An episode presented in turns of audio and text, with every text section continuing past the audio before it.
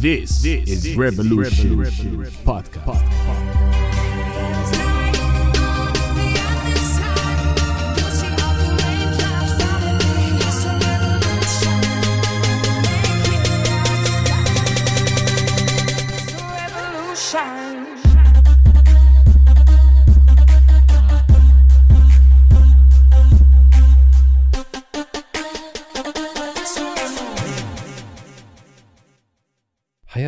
الله أعزائي المستمعين مع بودكاست ثورة. دقت ساعة الانتصار! لا رجوع!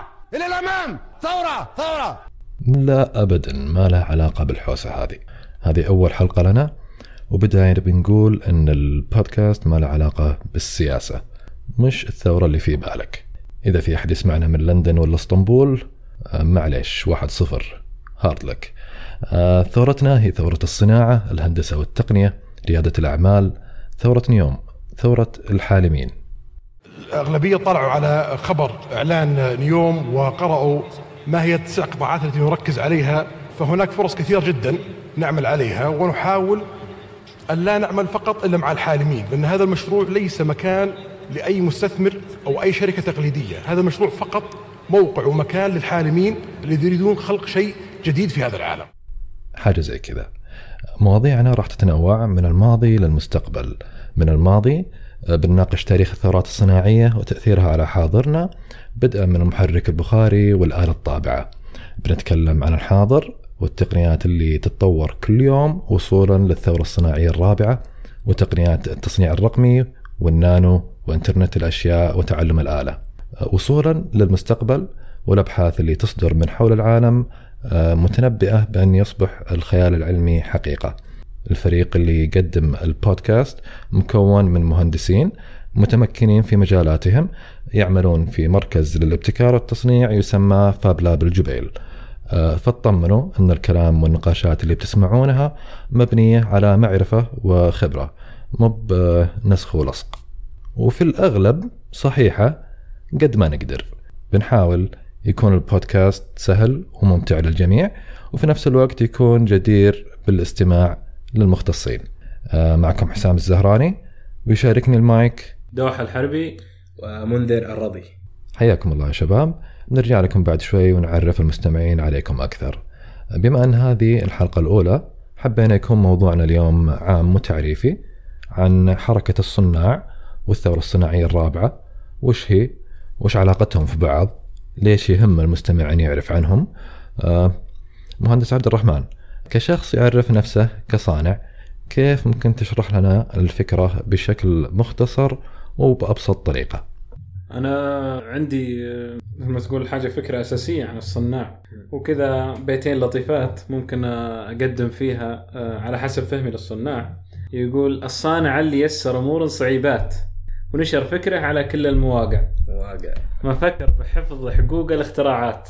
اختراعات. همه يشوف الناس ويشارك منافع. منافع. وفكره على فكره تلاقح ابتكارات. ابتكارات. والكل مستفيد ومغتني ولامع. ولا وسلامتكم ونشوف رأي منذر. طيب حركة الصناع نقدر نقول عليها هي موجة عالمية من الناس إلى الناس يعني بين أفراد المجتمع. طيب نيجي نفسرها بشكل أفضل. خلينا نرجع شوية للبعض نشوف حركة ال- الإنتاج كيف كانت أو دورة ال- الإنتاج والاستهلاك عبر التاريخ كيف كانت من البداية؟ زمان كان الناس إيش؟ مثلا عندك تبغى شغلة معينة سواء كانت من حداد من نجار من خياط حرفي. تروح حرفي. اي تروح تطلب منه شغلة وينفذ لك إياها على حسب طلبك على حسب الكمية اللي أنت تحتاجها. علاقة مباشرة بين المستهلك مباشرة يعني على طول. حاليا كيف صايره الوضع؟ الشركات تبدأ من طبعا من قسم الإنتاج قسم التسويق يشوفوا إيش الطلب في السوق إيش الأشياء اللي يحتاجوها الناس في السوق. ثم تمر هذه المرحلة إلى مرحلة التصميم يصمموا المنتج ثم يرجعوا مرة ثانية هل المنتج هذا راح يمشي في السوق ما راح يمشي في السوق يسووا دراسة مرة ثانية. إذا okay شافوا ال- ال- المنتج راح يستهلك من قبل ال- الناس. يسلم هذا ال- المنتج إلى مصانع أو يبدأ تصنيعه بكميات ضخمة فاللي هو ال mass production اللي هو الإنتاج بكميات ضخمة. ثم يبدأ يوزع على السوق. هذه هذه هذه قاعدة تسبب مشكلة إنه بيكون في منتجات زايدة عن اللزوم حتى تورطنا في مسألة ال wasting. بعضها مواد ما تتحلل بعضها مواد ضارة. تسبب. مشاكل بيئية. تسبب مشاكل بيئية. هذه اللي ممكن مع حركة الصناع راح تتغير هذه بشكل تماما؟ آه طيب كيف راح تتغير؟ يصير في كل مدينة مثلا أو كل حي make maker space أو منطقة تصنيع okay؟ يجتمعوا فيها الهواة سواء كان الناس اللي تحب ال- ال- النجارة الحدادة الواحد يبغى مثلا شيء electronic مبرمج okay؟ يتجمعوا في هذا المكان. يصنعوا الأشياء اللي يحتاجوها أو إذا جاهم أحد مثلا أنا ما أعرف. يا إني أحب الشغل مثلا أبغى لي طاولة. أجي المكان هذا سواء الناس تساعدني في تصنيع هذا الشيء أو إني أتعلم كيف أصنع الطاولة بنفسي. طاولتي أنا أبغى أصنعها. أيوه. أتعلم وأصنعها. وممكن إنه يتشاركوا الخبرات ويصنعوا لهم شيء يفيد المجتمع عموما أو الحي عموما. نعم. okay؟ بين قوسين نقدر نقول عليها زي زي كأنها المشاريع مفتوحة المصدر.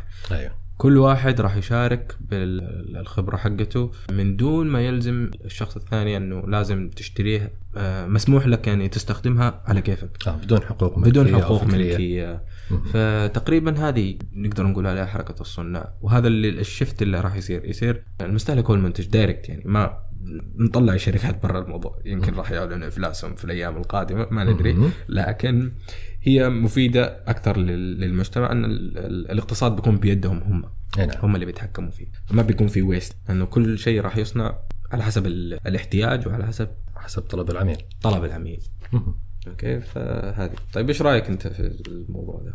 طيب ال- ومن الناحية الاقتصادية الفكرة جميله لأنها راح ترجع الاقتصاد أو التجارة من الشركات الكبرى اللي مسيطر عليها الشركات الكبرى إلى ال- الشخص العادي الأشخاص الناس العاديين يعني. سواء كان الفرد يصنع لنفسه أو آه، شركة صغيرة ناشئة أو حتى ورشة صغيرة في مدينة نائيه آه، صار بإمكانها تنافس الشركات هذه.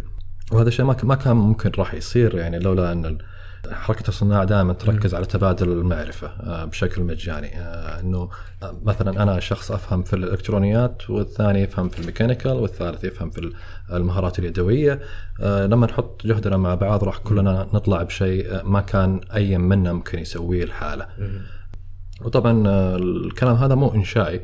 يعني زي ما أنت عارف دائما إحنا نستخدم فيه منصات عالمية زي Instructables و GitHub صارت يعني نواة للموضوع هذا. صاروا الصناع حول العالم ال makers حول العالم يحطون كل خبراتهم فيه. صار بنك للمعرفة البشرية. يصير بسهولة تسوي الأشياء اللي هم قد وصلوا لها. عشان نقرب موضوع برضه مفتوح المصدر والمصادر المفتوحة أقرب شيء لها اللي نعرفه كلنا ونستخدمه ويكيبيديا. ويكيبيديا في الأخير يعني موسوعة. يعني كان قبلها موسوعات كثير. بريتانيكا المج- الموسوعه الإسلامية العالمية. لكن ما في أي منها رغم إنها يعني كانت تقوم عليها منظمات كبرى هذه يعني. مم. كانت تنباع بألوف الريالات أو الدولارات. آه، كانت تجيك في مجلدات ضخمة من 20 مجلد. بس كلها ما ما تقارن بويكيبيديا، ويكيبيديا وش سرها؟ إنها مفتوحة المصدر، إن كل البشر صاروا يكتبون ويعدلون وينقحون في الموسوعة هذه. فهذا الشيء اللي إحنا قاعد نقوله الحين إن حركة الصناع تبغى تسوي ويكيبيديا للمعرفة البشرية مم. التقنية ال- البرمجة الشغلات هذه كلها. تفتح المشاركة للجميع. زي اللي قاعدين نسويه تقريبا هنا في ال Fab Lab يعني. يعتبر ال Fab Lab جزء أساسي من من حركة الصناع لأنه هو بيوفر ال maker space اللي هو منطقة التصنيع. okay؟ نضرب مثال ب Fab Lab الجبيل اللي ما دام إحنا شغالين فيه. موجودين إحنا كخبرات متواجدين في المركز. يجون الناس اللي يبغى يتعلم نعلمه ثم يبدأ نساعده في التصنيع. قد يصل يحصل أخطاء يعني آه، في التصميم في في الإنتاج. فوجود الخبراء في المركز راح يساعدونا في إنه يتفادى هذه الأخطاء وغير كذا إنه ينطلق في في منتجه أو في مشروعه اللي يبغاه بسرعة. نعم. يعني هذه الميزة اللي وعشان كذا نقول إنه فاب لاب هو نواة حركة الصنع نعم. نواة حركة الصنع صحيح. فللي برضو اللي بيجادلنا بيقول أنا كيف بصنع شيء ما عندي معدات ما عندي كذا حتى لو تعلمت عن طريق الإنترنت ما أقدر أسوي. نقول له هذا هذا دور ال Fab Lab مراكز مم. التصنيع ال maker spaces مراكز الابتكار حاضنات التقنية اللي انتشرت في المملكة الآن والعالم العربي. آه، وعلى طاري ال Fab Lab آه، الفريق اللي تسمعونه في هالبودكاست كلهم يعملون في Fab Lab الجبيل الذي تشرف عليه الهيئة الملكية بالجبيل وهذا البودكاست لا يمثل المركز أو الهيئة بأي صفة رسمية وهو مجهود شخصي. وقبل ما تطول السالفة آه، عبد الرحمن آه، اشرح لنا وش هو هذا ال Fab Lab. Fab Lab هو fabrication laboratory معمل تصنيع رقمي. هي الفكرة انشئت أعتقد إنها في MIT أنشأوا الفكرة هذه بعدين سووا لها franchise على عدة دول ومن ضمنها Fab Lab الجبيل. Fab Lab الجبيل يتيح المجتمع كا- كامل وكافة أطيافه. فرص تصنيع كل شيء يبغونه يعني عندنا ثلاث أقسام رئيسية أو أو ثلاث محاور يد- يدور حولها التصنيع اللي هو التصميم والتصنيع ثلاثي الأبعاد تصميم وتصنيع ثنائي الأبعاد وبرضو ال- الكهرب الإلكترونيات المتحكمات الدقيقة الشغلات هذه كلها متوفرة تقريبا في فاب لاب الحمد لله يعني عندنا سمعة طيبة وأنجزنا كذا مشروع كويس. واستفاد المجتمع مجتمع الجبيل آه، استفاد كثيرا من الفاب لاب طيب كلام جميل. آه، بس لسه ما فهمت. هل هو بلاش بفلوس؟ هل هو شركة؟ آه، هل هو ورشة؟ هل هو مكتب دعاية وإعلان؟ ما هو حضانة أطفال لا تخاف. لا هو معمل تصنيع رقمي. هو معمل تصنيع رقمي. فيه أجهزة كاملة رقمية وفي workshop يدوي للشغل التجميلي والشغل النهائي. لكن بشكل عام هو يعتمد على الأدوات الرقمية والأجهزة الرقمية. طيب إيش الهدف؟ طيب وأنتم موجود هذه الأشياء؟ هي الهدف الأساسي من ال- ال- المبادرة اللي قامت فيها MIT نشر ثقافة التصنيع بالدرجة الأولى. والدرجة الثانية آه، إنك تفيد المجتمع. يعني مثلا أنا عندي حاجة بسيطة بصنعها على مزاجي صممتها ماني رايح ال- الشركة معينة وأقول صنعها. أجي وأصنعها بنفسي. هل ممكن نقدر نقول برضو الفاب لاب يعتبر اللي هو حلقة الوصل ما بين آه، المبتكر والحاضنات الأعمال أو الجهات التجارية اللي بتأخذ لك آه، ممكن المنتج حقك. يصير صحيح. ال first prototype منتجك الأول. تصنعه في ال Fab Lab يصير لما تروح تعرض المنتج حقك أو الابتكار حقك يكون عندك آه، نموذج أولي بحيث إنه physical ما هو بس آه، مجرد presentation أو صح. آه، خربط على ورق. فتطلع المنتج قدامك تقدر تعرضه سواء كانت حاضنة أعمال أو جهات تجارية تدعمك في مشروعك.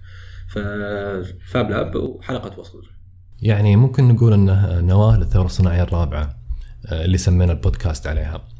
وللي أول مرة يسمع بهالمصطلح آه، هو مصطلح اشتهر مؤخرا في وسائل الإعلام آه، يرمز لكل التقنيات الجديدة اللي بدأت تغير مسار البشرية من ضمنها التصنيع الرقمي، الطباعه ثلاثية الأبعاد، إنترنت الأشياء، البيانات الضخمة، الأنظمة والخدمات السحابية، التجارة الإلكترونية، تعلم الآلة، الذكاء الاصطناعي وغيرهم. طبعا الاهتمام بهذا المفهوم آه، له أسباب كثيرة. في فريق يبشر فيه كالحل لكل المشاكل البشرية وعلى النقيض آه، فريق يح- يحذر منه كصندوق آه، باندورا اللي بيجلب الشرور للعالم. لكن اللي متفقين عليه إن الثورات الصناعية السابقة تسببت بهجرة الناس من الريف إلى المدن الكبرى آه، اللي تتركز فيها المصانع والشركات الكبيرة. وهذا سبب أزمات تنمويه في كثير من الدول.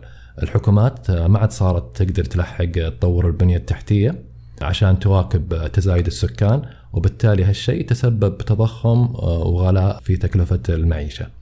بالإضافة للآثار البيئية اللي أبسطها تراكم كميات ضخمة من النفايات كل يوم والآثار الأمنية عندما لما تكبر شريحة الطبقة الفقيرة ويبدأ يتفشى فيها الإجرام والمخدرات إلى آخره.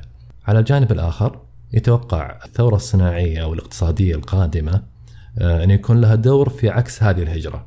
الاقتصاد يتجه تدريجيا آه، نحو المنشآت الصغيرة آه، صناعة الخدمات مثلا تتجه الآن للفضاء الإلكتروني أوبر و Airbnb وغيرهم يعني من أشهر الأمثلة القائمين على هذه الخدمات ممكن يكونون في أي مكان في العالم ما يحتاج يكونون آه، في المركز المالي في العاصمة مثلا. وبعد آه، ما تنضج آه، تقنيات التصنيع الرقمي أكثر مثل الطابعات ثلاثية الأبعاد بأنواعها آلات النحت والقص بالليزر والبلازما الإنجكشن مولدينج أو البثق والكبس للمنتجات البلاستيكية بالعربي. بعد ما تنضج أكثر تبدأ أسعارها في الانخفاض وتصير في متناول الشخص العادي راح تصبح المنشآت الصناعية الصغيرة قادرة على منافسة الشركات الكبرى آه، في تصنيع المنتجات الاستهلاكية خصوصا آه، سواء من ناحية آه، التقنية أو السعر. في السنوات الماضية شفنا التركيز على تنمية ريادة الأعمال بشكل متزايد. بس المشكلة أيضا أنه حاليا رواد الأعمال محصورين في مجال تطبيقات ال- الويب والجوال بحكم أنها ما تتطلب أصول أو رأس مال ضخم آه، وسهل تطويرها إذا ما تواجد العنصر البشري. هنا آه، نقول أن أدوات التصنيع الرقمي راح تفتح مجال جديد تماما لريادة الأعمال سواء في مجالات آه، تصنيع ال- الابتكارات أو ال- الحلول المتقدمة والمتطورة أو حتى في المجالات التقليدية. آه، ما عاد يحتاج الشخص الانتقال آه، لمدينة كبرى عشان يحصل على وظيفة أحلامه. ممكن يصنع وظيفته بنفسه آه، يبدأ منشأة صناعية صغيرة آه، ورشة أو معمل مناسب آه، لحجم السوق في المدينة اللي هو فيها. وبفضل أدوات التصنيع الرقمي المفترض أنه ما يحتاج لعمالة وموظفين وطاقم كبير. ممكن مع شريك أو اثنين ربما حتى من العائلة. يصل منتجات آه، تنافس المستورد آه، وبتكلفة أقل وبشكل مخصص آه، للبيئة وللسوق اللي هو فيه. في نقطة مهمة آه، ممكن نسيناها ويمكن هي اللي يقصدها حسام اللي هي آه، دراسة الأمم المتحدة آه، أثبتت أن العالم كله راح يتجه إلى التمدن أو سيفيلايزيشن على قولتهم. ال urban sprawl الحين التوسع العمراني مكتسح. فكان عندهم estimation أو توقع إنه راح يكون خلال 2050 أعتقد إن نسبة عالية جدا تقريبا تصل ل 80% من سكان العالم راح يكونون في مدن. فهذا راح يكلف ال- ال planet على قولتهم أضرار جسيمة من ناحية التصنيع إذا كانوا بيعتمدون على نفس ال system اللي اللي موجود حاليا اللي هو ال mass production factories فمن هالمنطق من هالمبدا هذا انطلقت الفكرة.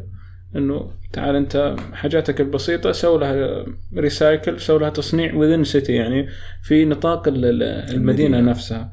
إذا عندك حاجات كبيرة ممكن إنك ت share أو تشارك ال- الأفكار أو الخطط أو ال- التصاميم عن طريق آه، عن طريق مثلا دولة ثانية أو ما شابه. برضو كانوا مركزين على ال food industry إنه يكون خلاص كل مدينة يصير عندها اكتفاء ذاتي بال food industry يستفيدون من ال- إيه، الصناعة الغذائية. يستفيدون من ال ال rural side أو المساحة الريفية بالتص... بالزراعة ما الزراعة. يعني يصير في كل مدينة فيها شبه اكتفاء ذاتي. طيب كلام كبير. آه، بس ليش آه، اسمها الثورة الصناعية الرابعة؟ وش هي الأولى والثانية والثالثة؟ ممكن تعطينا فكرة باش مهندس منذر؟ ممكن ناخذ آه، زي ما قال إيش آه، آه، مقتطفات بسيطة من كل ثورة وايش النقلة النوعية أو ال game changer إيش اللي غير اللعبة في كل ثورة. فلما نبدأ من البداية الثورة الصناعية الأولى اللي هو اكتشاف ال steam engine المحركات البخارية. ال- في وقتها كانت ال- المصانع وال factory تعتمد على إيش؟ قبل ال factories أو المصانع بتعتمد على القوة البشرية. إنه الإنسان سواء كان حداد سواء نجار يعتمد على ال- آه، قوة جسمه. اختراع ال steam engine أعطى الإنسان قابلية أو قوة ما كان عمره يتخيلها. آه، يقدر الحين يحرك أشياء ثقيلة طلعت القطارات الباخرات آه، أعطت الإنسان قوة ما كان عمره يتخيلها. فهذه غيرت اللعبة صارت ثورة. الاقتصاد العالمي كله تغير آه، دورة الاستيراد والتصدير. أصبح الإنسان آه، ممكن يوصل لأطراف العالم بزمن قياسي آه، نسبيا لما قبله. أصبحت منتجات هذه الدول توصل له في بلده بوقت أسرع وبتكلفة أقل. آم، يعني حركة التجارة العالمية كلها تغيرت. آه، ما ننسى اختراع ال- الآلة الطابعة اللي جعل ال- المعرفة آه، والعلوم في متناول الفقراء. قبل كذا كانت الكتب من السلع المترفة. ما يوصلها إلا الأثرياء والملوك. ثم آه، فجأة جاءت الآلة الطابعة جعلت الكتب رخيصة وفي نفس الوقت آه، قضت على مهنة النسخ والخط وتنضيد الكتب اللي كان يقوم عليها اللي يسمونهم العرب الوراقين. آه، الآن يمكن ما تستشعر أهمية اختراع الطابعة لكنها في ذاك في ذاك الوقت حققت ثورة ثقافية آه، تعادل أو تزيد على ثورة الإنترنت اللي نعيشها الآن. الطابعة جعلت المعرفة والتعليم رخيص آه، والآن الإنترنت جعلها تقريبا مجانية.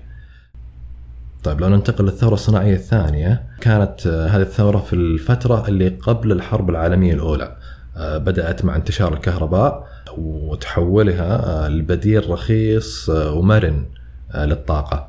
سابقا المورد الأساسي يعني أو المصدر الأساسي للطاقة كان الفحم ومشتقات البترول. آه، كانت عملية آه، شراء الطاقة ونقلها وتخزينها آه، عملية صعبة ومكلفة آه، وغير آه، عملية. يعني على سبيل المثال آه، إذا بغت آه، بلدية مدينة أو حاكم المدينة الوالي أو الأمير قرر أنه يضيء الشوارع يحتاج يضع في كل شارع فوانيس. على أعمدة. آه، هذه الفوانيس آه، كانت تحتاج آه، عمال يعيدون تعبئتها بالزيت يدويا ويحتاجون يولعونها كل يوم المغرب ويطفونها كل يوم الفجر يدويا. الشبكة الكهربائية خلت إنارة المدن وغيرها من الخدمات على مستوى المدينة ممكن تشتغل وتطفى بضغطة زر من لوحة تحكم واحدة. ونفس الشيء ينطبق على كل مناحي الحياة. آه، بالنسبة للصناعة آه، صار ال- ال mass production أو الإنتاج الصناعي آه، ضخم آه، خطوط الإنتاج آه، بشكل تقليدي زمان هي النمط السائد للتصنيع. خطوط الإنتاج هذه اشتهر فيها أو بدأها هنري فورد مؤسس شركة فورد للسيارات المعروفة. آه، وهذا طبعا ساهم في انخفاض أسعار آه، السلع وارتفاع مستوى الدخل للأفراد حول العالم.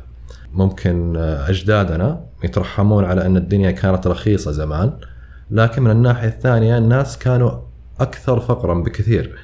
يعني وش الفائدة أن الماشية الخروف أو التيس ينباع بريال؟ إذا كان دخلك السنوي كله ما يزيد عن ريالين ثلاثة آه، أو ما يعادله في ذلك الوقت من العملات. آه، الناس قبل هذه المرحلة كانوا يعيشون ويموتون وهم ما عندهم إلا ثوبين أو ثلاثة. الآن أصبح الموظف العادي يمديه يعبي بدولابه ملابس بجزء من راتبه يعني خصوصا إذا ابتعد عن الماركات عموما آه، خلال الفترة أو الثورة هذه أيضا ظهر التليفون ومحرك الاحتراق الداخلي اللي هو المحرك اللي يستخدم في السيارات آه، ليومنا هذا ما يحتاج نفصل في أثرهم على الاتصالات والمواصلات في العالم لأننا ما راح نخلص. عطنا الثورة الصناعية الثالثة. آه، الثورة الصناعية الثالثة ممكن تكون آه، ال computing أو ال digital اختراع الكمبيوتر. صار حاليا مو بس إنه قوة وسرعة لا حتى ب accuracy أعلى. حاليا آه، الأشياء اللي كان تحتاج مثلا إنسان يكون واقف فيها تستبدلها مثلا ب sensor أو شيء حتى يؤدي لك المهمة بأكثر دقة. سرعة دقة وقوة. شو نسميها خطوط الإنتاج اللي هي خطوط الإنتاج اي خطوط الإنتاج. خطوط الإنتاج الأوتوماتيكية. إيه، فتصير عندك production line كامل ما تحتاج تدخل البشر تطلع ال- ال product من النقطة الأولى باستخدام سنسورات معينة يوصلها إلى النقطة اللي بعدها حتى يطلع لك منتج متكامل من دون أي تدخل بشري. automation كامل. okay؟ عكس المصانع الأولى زمان. آه، كل شيء شغل. يحتاج آه، إنسان يشرف في كل نقطة. إلى الآن طبعا موجودة لكن الحين هي تقريبا ال- ال- صنع الإنسان أغلى من صنع الآلة. ولنا في رولز رويس وبنتلي والشغلات السيارات الفخمة هذه آه، أكبر دليل. يعني الصناعه الصناعة اليدوية إلى الآن أفضل من الصناعة ال- آه، ال mass production على قولتهم. مو بس آه، رولز رويس وبنتلي ينطبق نفس الشيء لما تفصل آه، غرفة نوم عند نجار. آه، بتكون أغلى لما تشتريها من آه، إيكيا ولما تفصل ثوب عند خياط آه، بيكون أغلى من لما تشتري ثوب الدفة.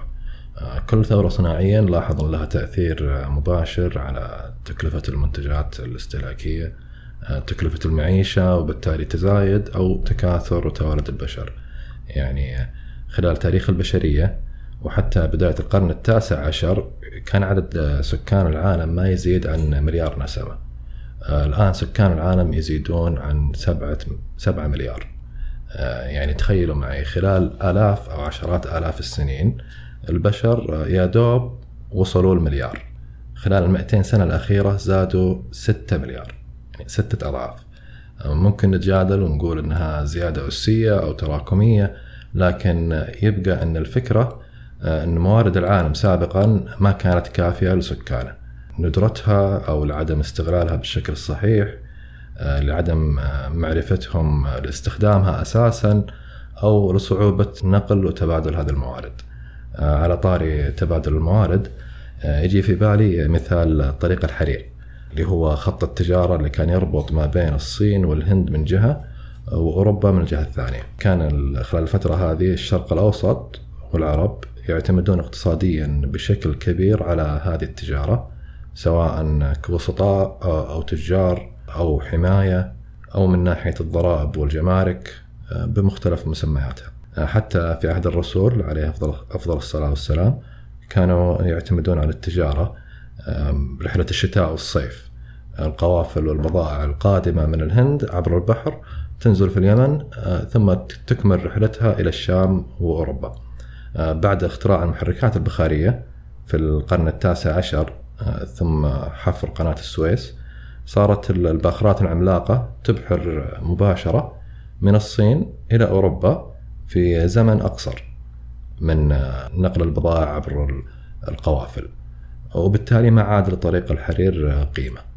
طبعا خلال هذه الفترة كان الشرق الأوسط تحكمه الدولة العثمانية اللي فجأة اختفى جزء كبير من مواردها. ما عاد صار لها لزمة في العالم.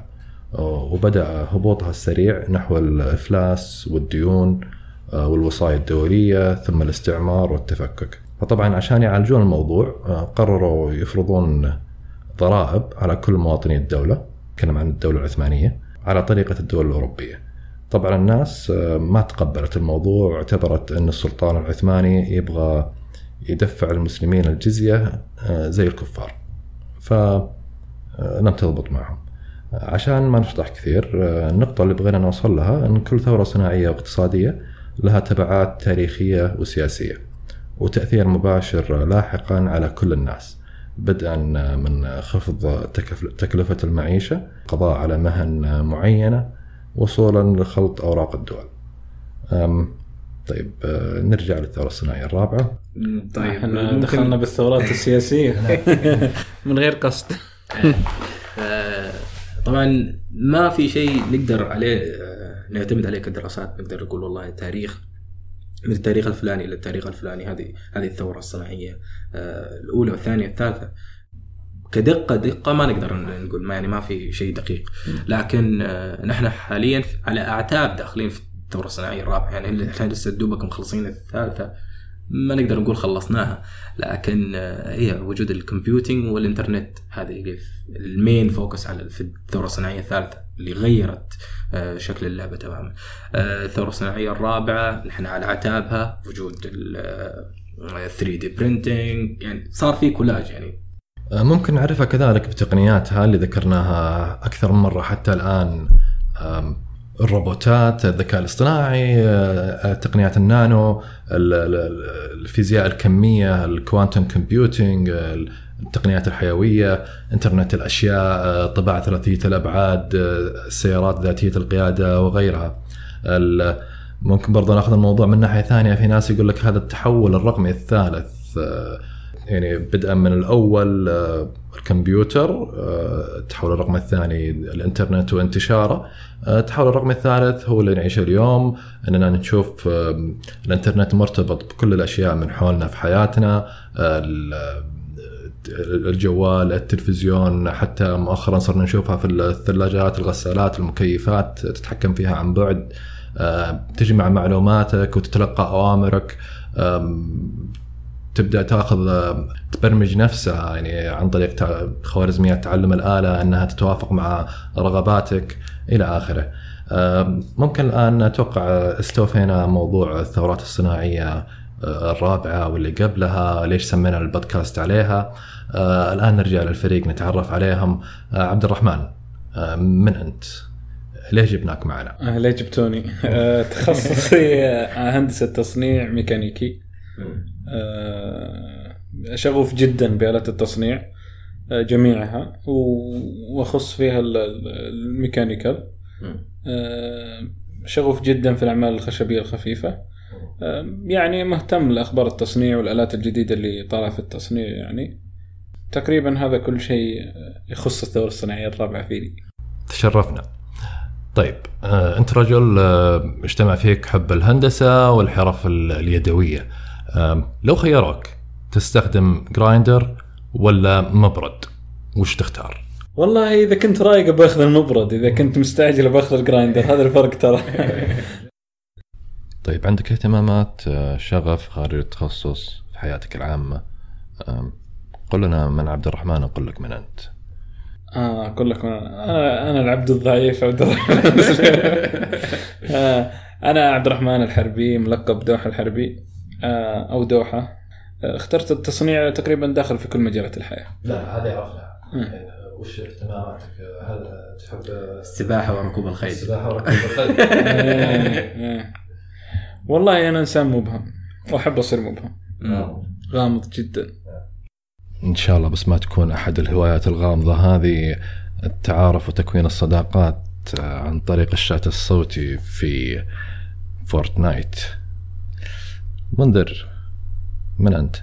معكم منذر الرضي مهندس mechatronic industrial automation شغوف بالصناعة بال maker.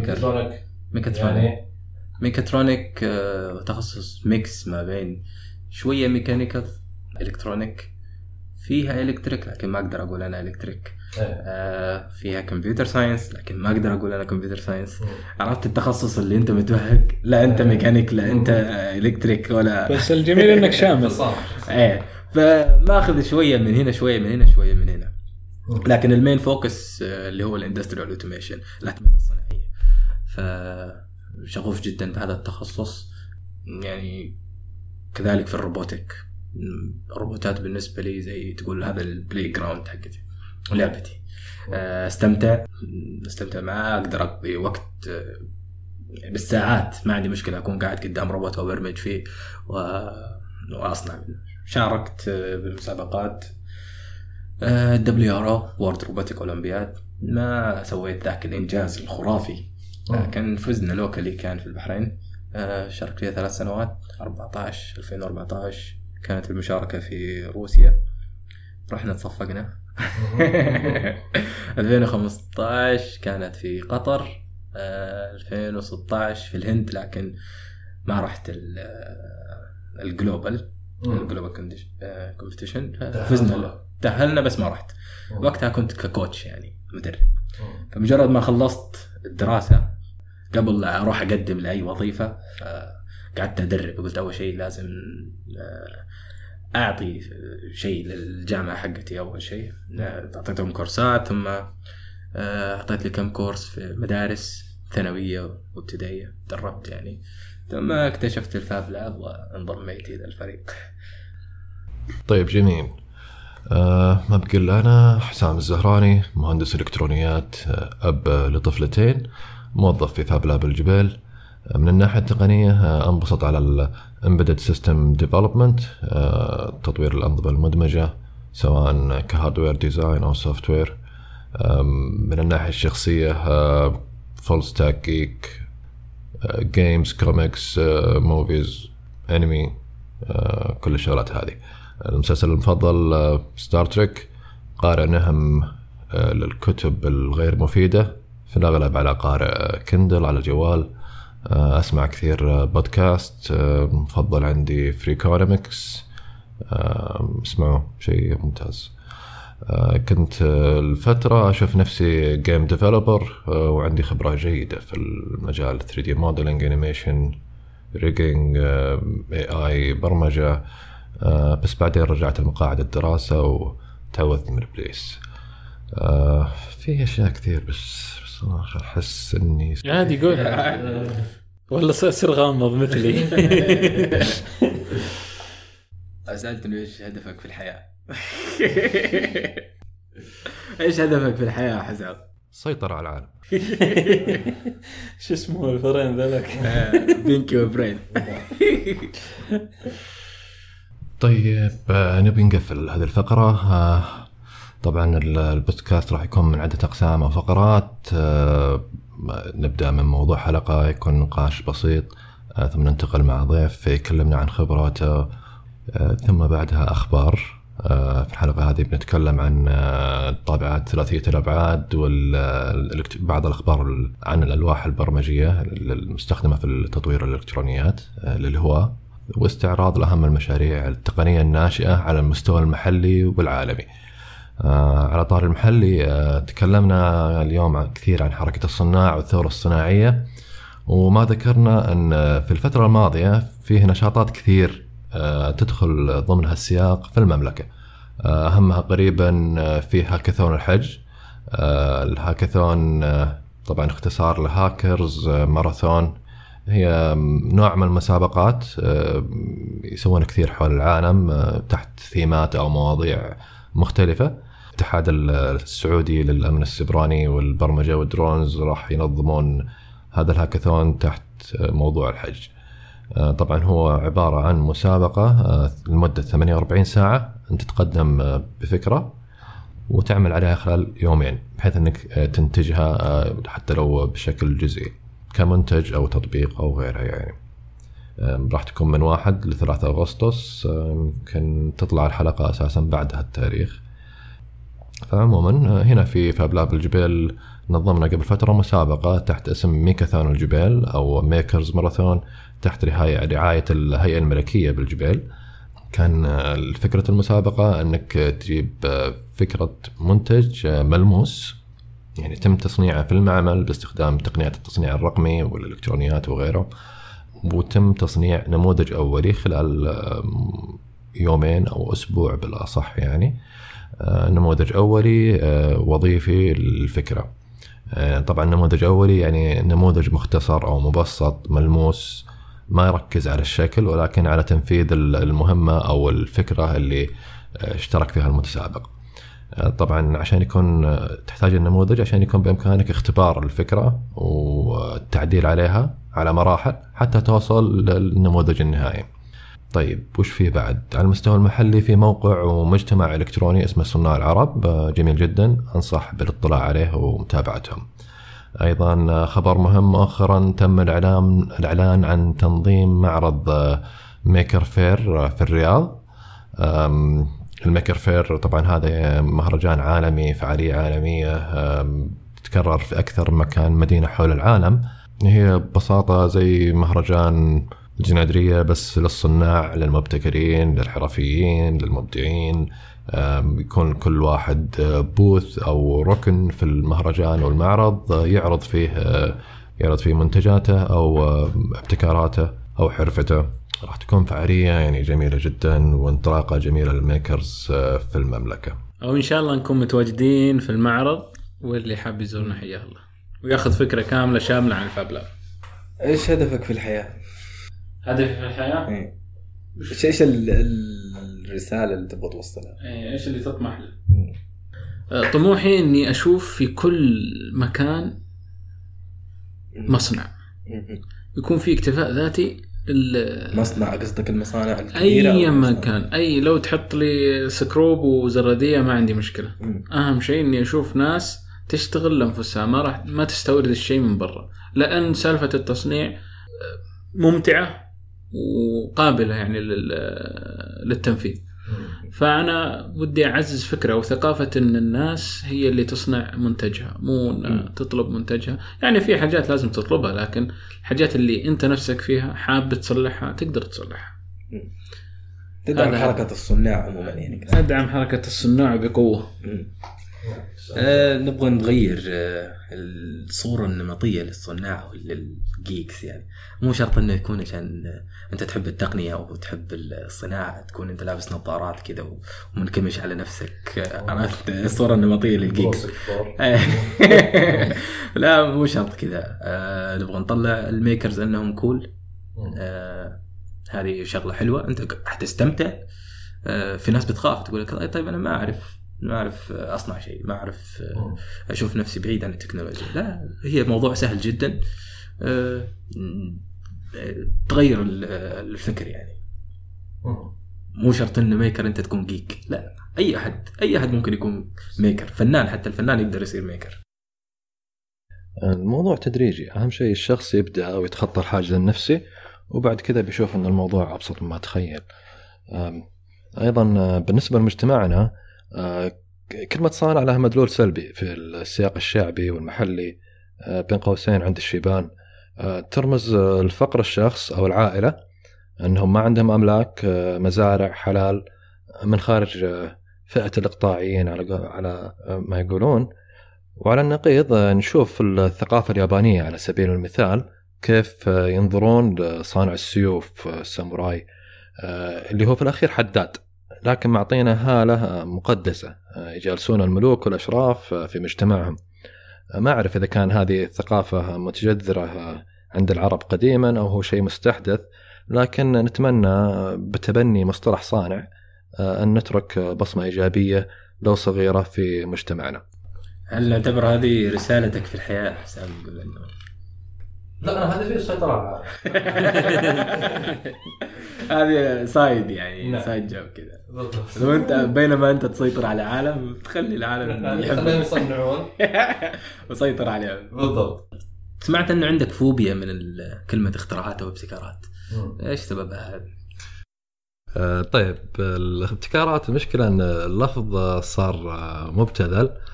ما ودي أذكر أمثلة نشوفها كثير في وسائل التواصل الاجتماعي. ما ودي نتحامل عليهم يعني. لكن أكثر الأفكار اللي ينظر لها كاختراع آه، من وجهة نظر الشخص اللي مو ملم في الموضوع آه، غير المختص آه، لكن من ناحية ال- ال- الشخص المختص يعرف أن الشغلة أو الفكرة هذه آه، موجودة يمكن من عقود آه، على الأغلب في السوق. آه، وان ما كانت في السوق فهو يعني السبب منطقي إنها غير مجدية تجاريا آه، تكلفة عالية صعوبة التصنيع آه، يمكن حتى صغر السوق المستهدف. الابتكار أو الاختراع شيء ضخم. في الأغلب اللي نشوفهم يعني يقال لهم مخترعين ممكن نسميهم صناع أكثر منهم مبتكرين أو مطورين منتجات. وهذا يعني ما يقلل من قدرهم. ممكن انه يعني مثلا قصدك آه، استخدام الكلمة في غير مكانها يعني. إي بالضبط. إنه الناس فاهمين الموضوع غلط يعني. مش غلط كثر ما هم معطين الموضوع صورة رومانسية آه، مبالغ فيها.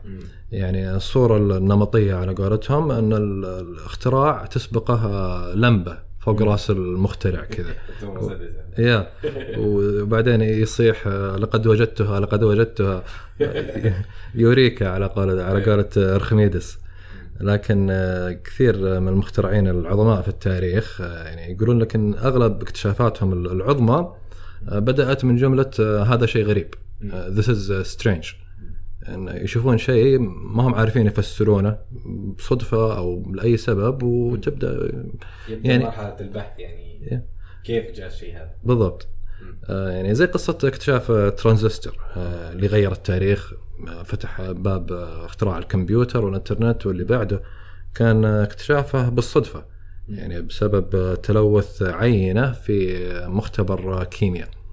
آه، كانوا يعني العينة هذه يجرون عليها تجارب ما لها أي علاقة في الموضوع ال computing ولا الترانزستور ولا شيء. آه، يعني تم الباحث اللي قاعد يجري التجربة لاحظ أن في شيء غريب في الموضوع. ف آه، من هنا قال هذا شيء غريب يعني. والباقي من التاريخ يعني ذهبت مثلا على قولته. آه، أنت أستاذ منذر وش تشوف؟ آه، وش اللي أهم الصانع أم المبتكر؟ أنا بالنسبة لي لأن الفترة الأخيرة زي ما قلت أنت صار في مس اندرستاندينج وكثير قاعد أتناقش مع الناس إنه ترى مو شرط إنه يكون أنت آه، ابتكار يعني تسعى للابتكارات أو براءة الاختراع. أنا ضد إنه تكثف كل جهدك عشان تاخذ براءة اختراع وتقفل على منتجك. لا حبيبي انت لما تكون صانع ال... انت حتستفيد والمجتمع حي- حيستفيد. يعني أنا بالنسبة لي أشوف إذا كان في واحد صانع أو maker صنع لي طاولة okay وشفتها كمنتج واستفاد منها هو أو غيره سواء استخدمها في البيت أو صنع شيء آه، أفاد المجتمع إنه هذا مفيد أكثر من اللي يعني يخترع لي شيء ويكتب على ورق ويقفل عليه وياخذ عليه براءة اختراع. ويقول آه كذا أنا خلاص ختمت اللعبة. حاليا الدور مو علي دور على حاضنات الأعمال أو أو الجهات الحكومية بيرجع الجهات للصانع. الحكومية يقول خلاص أنا وصلت level كذا أنا سويت اللي علي. ومجرد ما يصير يعني إذا ما حصل دعم أو ما جات جهة احتضنته يحط اللوم على على الحكومات يقول لا لا أنا سويت اللي علي وما دعموني ليش؟ لذا عرفت؟ لذا أنا آه، مع وضد. الصين في الناحية هذه. انها تسرق بعض الاختراعات وهي تنتجها وتبيع. وبسعر أقل من السعر هذا فأنت إذا اختراعك ما قفلته من جميع النواحي مم. من ناحية تصميم من ناحية إنتاج جودة سعر كل شيء يعني أنت هذا منتج لا تنتج كفكره. أنت لا ت- ت- تتعامل معه كفكرة تعامل معه كمنتج مم. انت ما سوقت المنتج هذا كويس اعرف ان في سوق ثاني راح ينتجه بأقل منه إذا ما حافظت على السمعه. هو أو- يكون طول حياته العلمية أو هذا قاعد يقفل على المنتج بينما ممكن إنك تبدأ فيه وتعرف إيش المشاكل حقته يعني مجرد ما تشوف المنتج قدامك أنت تتغير أفكارك وقد مروا علينا ناس يعني من خلال مسابقة الماكاثون يعني من أكبر الأمثلة اللي أذكرها في واحد اسمه تقريبا بدون ذكر أسماء. أيوه. فكان عنده فكرة آه، يقول لي يعني في في المقابلات الأيام راح يعرف فكرتك فكرته يجيك. طيب okay. بالأسف، أنا بالأسف. أنا شيء. لا أنا يعني ما راح أسبه يعني عرفت؟ فأنا بالنسبة لي ك motivation story عرفت؟ إنه آه، قاعد سنتين قاعد يفكر في الفكرة هذه. يقول لي آه، لي سنتين وهي صايرة هوس إنه أفكر فيها. قلت خلاص طيب ما دام منها سنتين ليش ما تشارك في ال- في المسابقة وتشوف الفكرة بعينك؟ يعني تشوفها قدامك. فمجرد ما بدأ آه، الشخص فعلا هو ديديكيتد يعني في الفكرة هذه. راح أخذ 10 أيام إجازة من الشغل. هو موظف حكومي. راح أخذ 10 أيام إجازة وج- وجاء خلال ال makeathon وبدأ يشتغل. إنسان ما كان عنده خبرة في البرمجة لا, قد عمره استخدم Arduino وما استخدم microcontroller قبل كده ولا عارف في في ال manufacturing ما قد عمره يمكن قص خشبة عرفت؟ فخلال العشر أيام هذه يوميا يجي ويتعب ويشتغل وإذا ما فهم شيء يحاول يفهم يحاول إلين شاف الفكرة آه، قدامه نظريا يعني صارت مجسم ملموسة. فقلت له حاليا تقدر تتنفس قال لي أنا كذا حاسس بحرية. عرفت؟ آه إنه شفت المنتج قدامي خلاص الحين أبغى اطور وطلعت له أفكار يعني مو نفس الفكرة الأولية اللي جاء فيها. اتغيرت لأنه أنت أول ما تبدأ تشوف المشاكل حقتها وتشوفها بريزنتد قدامك. فهذه من ضمن ال- القصص اللي يعني أفرق ما بين هذا. واحد كان مجرد ورق وفكرة ومسويت له هوس بينما إنه صنعها وشافها قدامه. صح فرق كبير. الاصرار اهم من من الفكرة والاحلام صحيح. آه، زي في مقولة تقول لك idea worth nothing without execution. لا تساوي شيء الفكرة لا تساوي شيء من دون إخراج. طالما أنت ما أخرجتها لا تقعد تفلسف علي تقول لي والله أنا عندي الفكرة اللي بتغير العالم. اشتغل. سوها. make it فهذه ال maker movement صح يعني مثل ما بدينا نرجع ونختم اللي هو آه، على ما قالوا القصائد ممكن أنها أو الأبيات فيها شوية رمزية لكنها تحكي آه، تفاصيل كثيرة. ونخلي ال- التفسير على على مدى خيالك وعلى مدى استيعابك لل- للمشكلة أو لل- للفكرة. فيقول لك الصانع اللي يسر امورا صعيبات هذا واضحة تقريبا وننشر فك... فكرة على كل المواقع يعني ما أحتفظ بالشغلة حقته. مواقع إلكترونية. المواقع بكل مكان مش إنها شرط إن أنت نشرت فكرك. أنا أنا مواقع احداثيات location لا المواقع آه، كل شيء. أي موقع إلكتروني موقع آه، مدرسه fab lab okay. أي شاملة كاملة. نعم. ما فكر بحفظ حقوق الاختراعات يعني ما إني أنا كل فكري إني أحتفظ بهذه كانت مشكلة منذر مع حقين الاختراعات. هم يشوف الناس ويشارك منافع. هم إني أنا أتعرف على أكبر عدد ممكن من الناس اللي ممكن تضيف لي أو أتشارك معها بعض المنافع لأجل تطوير فكرتي. ويقول فكرة على فكرة تلاقح ابتكارات. يعني مثل حتى منذر كان يقول هندسة طب آه، تكنولوجيا شغل كذا كله يدخل عشان منفعة أساسية. آه، والكل مستفيد يعني الجميع مستفيد ومغتني كل يعني محصل دخل كافي. ولامع اسمه معروف. وسلامتكم. صح لسانك والله. كلام عميق و نعم. مختصر نعم. وحنا الحين نشوف مباراة كرواتيا وفرنسا على نهائي كأس العالم. ونوافيكم بالنتيجة إن شاء الله. سلامتكم. طيب نشكركم آه، أعزائي على الاستماع. إن شاء الله كان بودكاست آه، ممتع. هذا إذا بقي أحد فيكم يستمع لحد الحين. أكيد أكيد. خليك واثق. آه، لا هو بالنسبة للتجربة الأولى إحنا أعطيناهم آه، حاجات كثيرة. لكن آه، ننتظر منكم الاقتراحات وأي حاجة حابين تضيفونها. برضو إحنا community مفتوح. ممكن أحد حاب يشارك معانا على الرحب والسعة. منذر إذا عندك أي إضافات. نشكركم على الاستماع و يعني هذه أول تجربة لنا ف don't judge يعني لا تحكموا علينا من أول حلقة. فاصبروا علينا آه غير كذا ساعدونا في النشر. تقدرون تحصلونا على مواقع التواصل الاجتماعي آه انستغرام تويتر آه حسابنا ثورة كاست آه نتشرف فيكم وننتظر اقتراحاتكم. إذا في شيء آه، قلناه غلط معلومة ربما يكون في معلومة شيء قلناها غلط تعديلات آه، توصيات آه، اقترحوا علينا ناس نستضيفهم. جلد جلدونا عادي خذ راحتكم. آه، تحفيز أي حاجة. المهم سمعونا أصواتكم. صحيح. آه، وإذا ذكرنا مواضيع في الحلقة أو شغلة راح نحط روابطها في الشرح. آه، وحسابات آه، ضيوفنا معاذ آه، مؤيد والشباب. آه، يلا شكرا جزيلا مستمعينا. أعذرونا يمكن التسجيل كان آه، متفاوت. آه، جربنا عدات مختلفة ناس عن بعد وناس عن قرب. ف يعني عملية تعلم. آه، شكرا جزيلا. شاركوا البودكاست ونراكم إن شاء الله الحلقة القادمة. Say your prayers, little one. Don't forget my son. To include everyone. Tuck you in, warm within, keep you free from sin till the Sandman comes. Sleep with one eye open, gripping your pillow tight. Exit light into night. Take my